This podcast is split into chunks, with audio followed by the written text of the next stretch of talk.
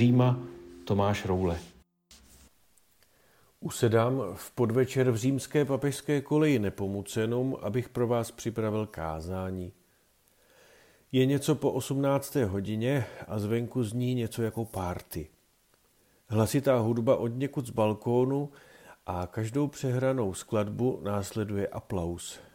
A tak je tomu teď každý den. Vznikl tady totiž takový nový obyčej. Nařízení vlády důrazně žádá všechny obyvatele, aby zůstávali doma. Mají se tak chránit před virem, který teď trápí lidi v celém světě a nejvíc na severu této krásné země. Zůstávat doma zavření, to je něco, na co nejsou Italové zvyklí. A tak vznikl nápad, že každý večer v 18 hodin muzikanti v celé Itálii vystoupí na balkón u sebe doma, aby zahráli několik písní. Někdy si pomáhají reproduktory. Lidé z ostatních balkónů se přidávají zpěvem. Italům jde o to prolomit to ticho, které teď vládne v osiřelých ulicích, kde nepotkáte ani jednoho turistu, pouze sem tam někoho z jednotlivců místních lidí. Každý se chopí nástroje, který má doma, nebo ať aspoň tříská vařečkou do hrnce. Jak se na Itali sluší, je to přesně do rytmu. Nejde ale o dokonalost provedení. Je to takový experiment, v němž jde o to dát pocítit ostatním svou blízkost – když už se nemohou prostě obejmout nebo dvakrát letmo políbit s patřičným mlasknutím, tak jak jsou zvyklí, když se potkají na ulici. Něco podobného se organizuje skoro v každém městě v Itálii. Lidé chtějí být spolu přesto, že musí být od sebe na dálku. V oknech jsou vyvěšeny italské vlajky. Děti lepí na okna obrázky s barevnou duhou, kde je připsáno Tutto andrà bene. Všechno bude dobrý. Vzájemně si tak rodiny a domácnosti dodávají naději a ujišťují se, že jsou v tom spolu. Už staří římané věděli, že platí jedna lidská zásada divide et impera, rozděl a panuj. Wikipédie toto heslo vysvětluje následovně. Vychází se z poznání, že z nesvářené a rozdělené skupině se vládne snáze, než skupině semknuté a vnitřně jednotné. V tuto chvíli jde Italům především o to, aby je nerozdělil a tím neovládnul strach a panika. Pročítám si čtení z pondělní mše, jsou tam krásné texty – povzbudivé pro atmosféru těchto dní. Utvořím nová nebesa a novou zemi. Nebude se vzpomínat na to, co minulo. Nikomu to nevstoupí na mysl. Plesat a jásat budou navěky nad tím, co stvoří, říká hospodin. Neuslyší se hlas pláče nebo křiku. Nebude dítě, které by žilo jenom několik dní, ani stařec, který nenaplní svá léta. A v Evangeliu téměř neuvěřitelná slova, které pán Ježíš říká souženému otci, královskému úředníkovi, jemuž umírá syn. Jen jdi, tvůj syn je živ. A to nejúžasnější, ten člověk uvěřil tomu slovu, kterému Ježíš řekl a šel. Ale hudba za okny sílí a zase připoutává mou pozornost. Jak to bude s tím mým kázáním? Podle italského rozpisu zpívání na balkóně na jednotlivé dny je vždy na programu nějaká populární píseň o jednotě a radosti, například známá Volare a pak hymna. Každý den Italové po celé zemi zpívají svou národní hymnu. Víckrát jsem ji dříve zaslechnul při různých slavnostech, ale nevěnoval jsem jí moc pozornost. Rozuměl jsem vždy pouze slovům Itália, Itália. Má vám takovou zvláštní melodii, jako by vypůjčenou od někud z opery. Přišla mi vždycky trochu zvláštní. Ale to není případ pouze italské hymny.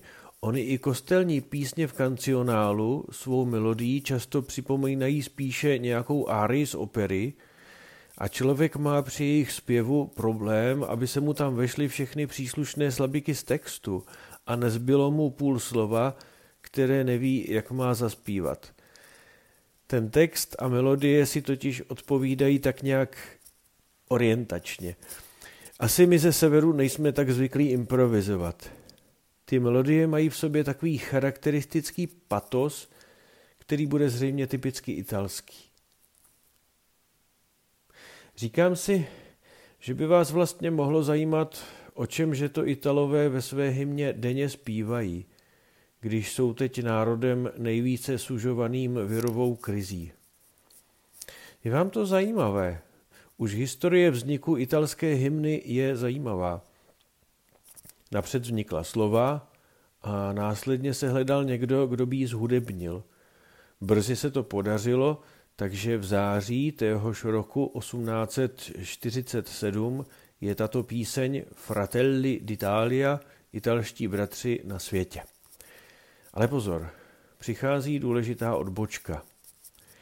Tehdy ještě neexistovala zdaleka taková Itálie, jakou známe my, a Peninský poloostrov byl rozdroben mezi sedm různých států, kde vládli často cizinci. Na severu kolem Benátek a v Lombardii vládli Habsburkové, jako tehdy u nás. Dále zde bylo na severu království Sardínie, kam patřil Piemont s hlavním městem Turín, kde sídlil král Viktor Emanuel II. Tomuto území se tehdy říkalo Itálie. Více na jih se rozprostíralo velkové vodství toskánské. Ve střední Itálii byl papežský stát, jehož hlavou byl papež v Římě, a na jich odtud potom království obojí Sicílie s králem v Neapoli. A nezmiňuji některé další menší státy. Už v prosinci roku 1847 byla píseň Fratelli d'Italia velmi oblíbená. Tehdejší noviny píší, že už po mnoho večerů se schází početná mládež v herecké akademii, aby zpívala zpěv o Itálii od pánů Mamelliho a Novary. Text je plný zápalu a plně mu odpovídá i melodie. Už tehdy eh, tato píseň spojovala.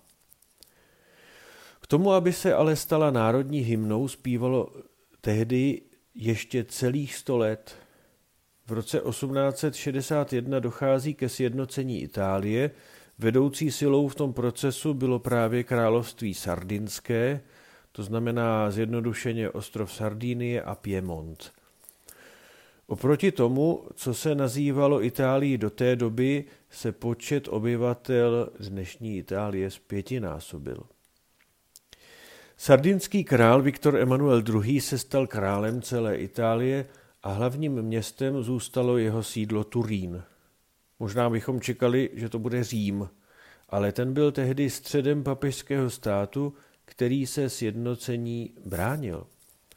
Podle prastaré tradice byl jeho ochráncem francouzským král, tehdy jim byl Napoleon III.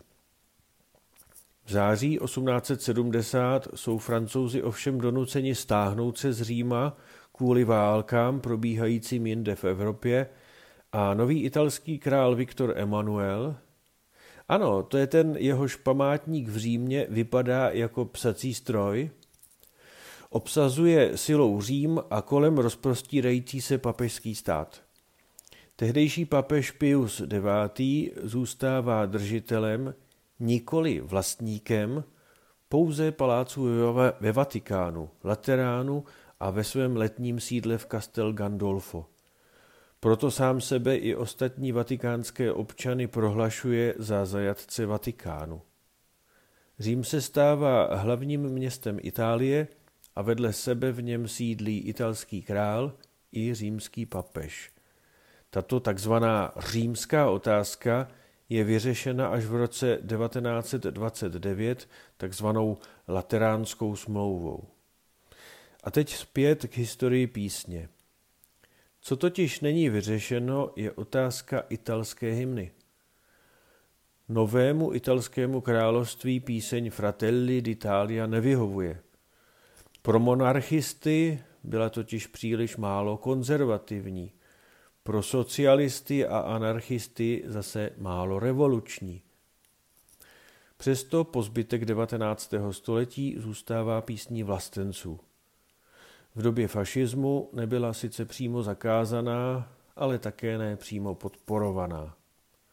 Roku 1932 sekretář fašistické strany zakazuje, cituji, absolutně, aby se zpívaly písně nebo refrény, které nejsou revoluční a které odkazují na někoho jiného, než je důče. Myšlen je Benito Mussolini, tehdejší předseda vlády. V závěru druhé světové války všude tam, kam přinášeli spojenci mír, zněla píseň Fratelli d'Italia. Po skončení války v roce 1945 se otevírá debata, jaká bude hymna nové italské republiky. Jsou tři kandidáti. Jednak skladba z Verdiho Nabucco, jednak úplně nová píseň a pak píseň Fratelli d'Italia. Nakonec se právě ona stává národní hymnou, ale pozor, pouze provizorní. 60 let se vedou debaty, jestli je to ta správná hymna. Píseň má už na mále, ale prezident Čampy někdy kolem roku 2000 ji nechává často hrát a hodně jí tak v uších lidu pomůže k oblibě. Říká, je to hymna, kterou když pozorně posloucháte, vnitřně vás rozechvívá. Je to píseň svobodného lidu, který po staletích rozdělení a pokoření sjednocen povstává. Teprve v listopadu 2017 je zákonem Senátu pod novým názvem Canto degli Italiani, zpěv Italů, definitivně prohlášena za oficiální italskou hymnu. Přišlo mi zajímavé vám povědět trochu o její historii, abyste věděli, že i jinde mají lidé obtíže se na něčem sjednotit a dohodnout, třeba na písni, která je má při nejrůznějších okolnostech sjednocovat. Prezident Čampy říkal, že když tuto hymnu pozorně posloucháte, rozechvívá nitro a že spojuje svobodné lidi. O čem v ní tedy vlastně Italové zpívají? Přiznám se, že jsem si ten text přečetl až dneska a žasnu. Mimo jiné se tam zpívá, překládám volně. Bratři Italové, Itálie se probrala, obvázala si hlavu. Kde je vítězství? Klade jí korunu. Jakým otrokem je Řím? Stvořil jej Bůh. Sevřeme své zástupy, buďme připraveni na smrt. Itálie volá. Po staletí po nás šlapali a vysmívali se nám, protože nejsme jeden lid, protože jsme rozděleni. Kež nás spojí jeden prapor. Už zní ta hodina. Spojme se a mějme se rádi. Jednota a láska zjevují lidem cesty páně.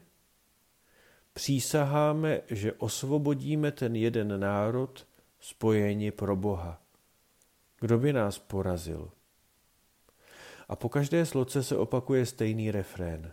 Sevřeme své zástupy, buďme připraveni na smrt. Itálie volá. Milí přátelé, cílem těchto kázání mých a mých milých spolubratří na Fortně je povzbudit vás v nelehké době. Dnes mě inspirace vedla tímto směrem a já se nechal vést. Modlím se za vás za pokoj ve vaší hlavě, srdci, rodině. Kež ve vás je pevné přesvědčení, které vyjadřuje dnešní žalm.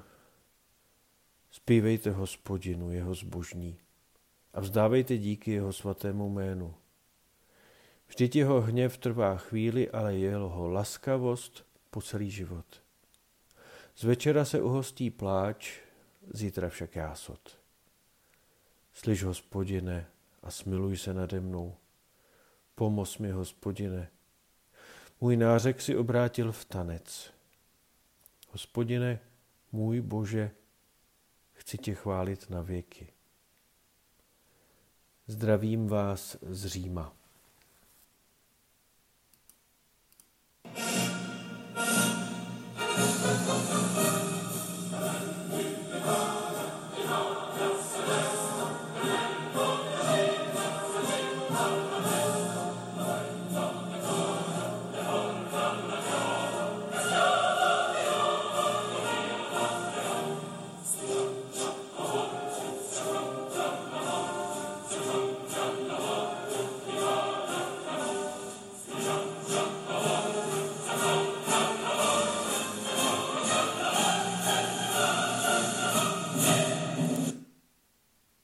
Podcast u Ambonu pro vás připravuje Fortna. U Ambonu se střídají Ladislav Herián, Pavel Pola, Josef Prokeš, Petr Glogar, Tomáš Roule a Petr Vacík. Slovo pro každý den najdete na www.fortna.eu, na www.prakjezu.cz a v podcastových aplikacích.